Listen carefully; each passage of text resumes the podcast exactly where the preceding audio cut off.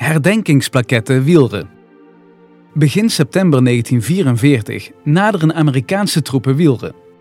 Inwoners worden door de Duitsers gedwongen om te werken aan hun verdedigingswerken.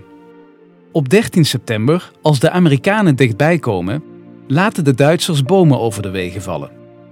De volgende dag wordt Wielre bevrijd. De gevechten in de omgeving duren nog enkele dagen en pas eind september is de toestand weer enigszins normaal.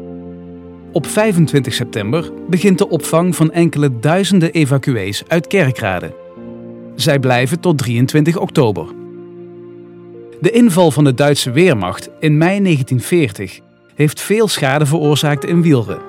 In februari 1945 laat het college aan de gemachtigden voor de wederopbouw weten dat twee panden totaal verwoest zijn, 20 zwaar beschadigd, maar wel te herstellen, 23 panden zijn licht beschadigd en 140 panden hebben glas- en pannenschade opgelopen.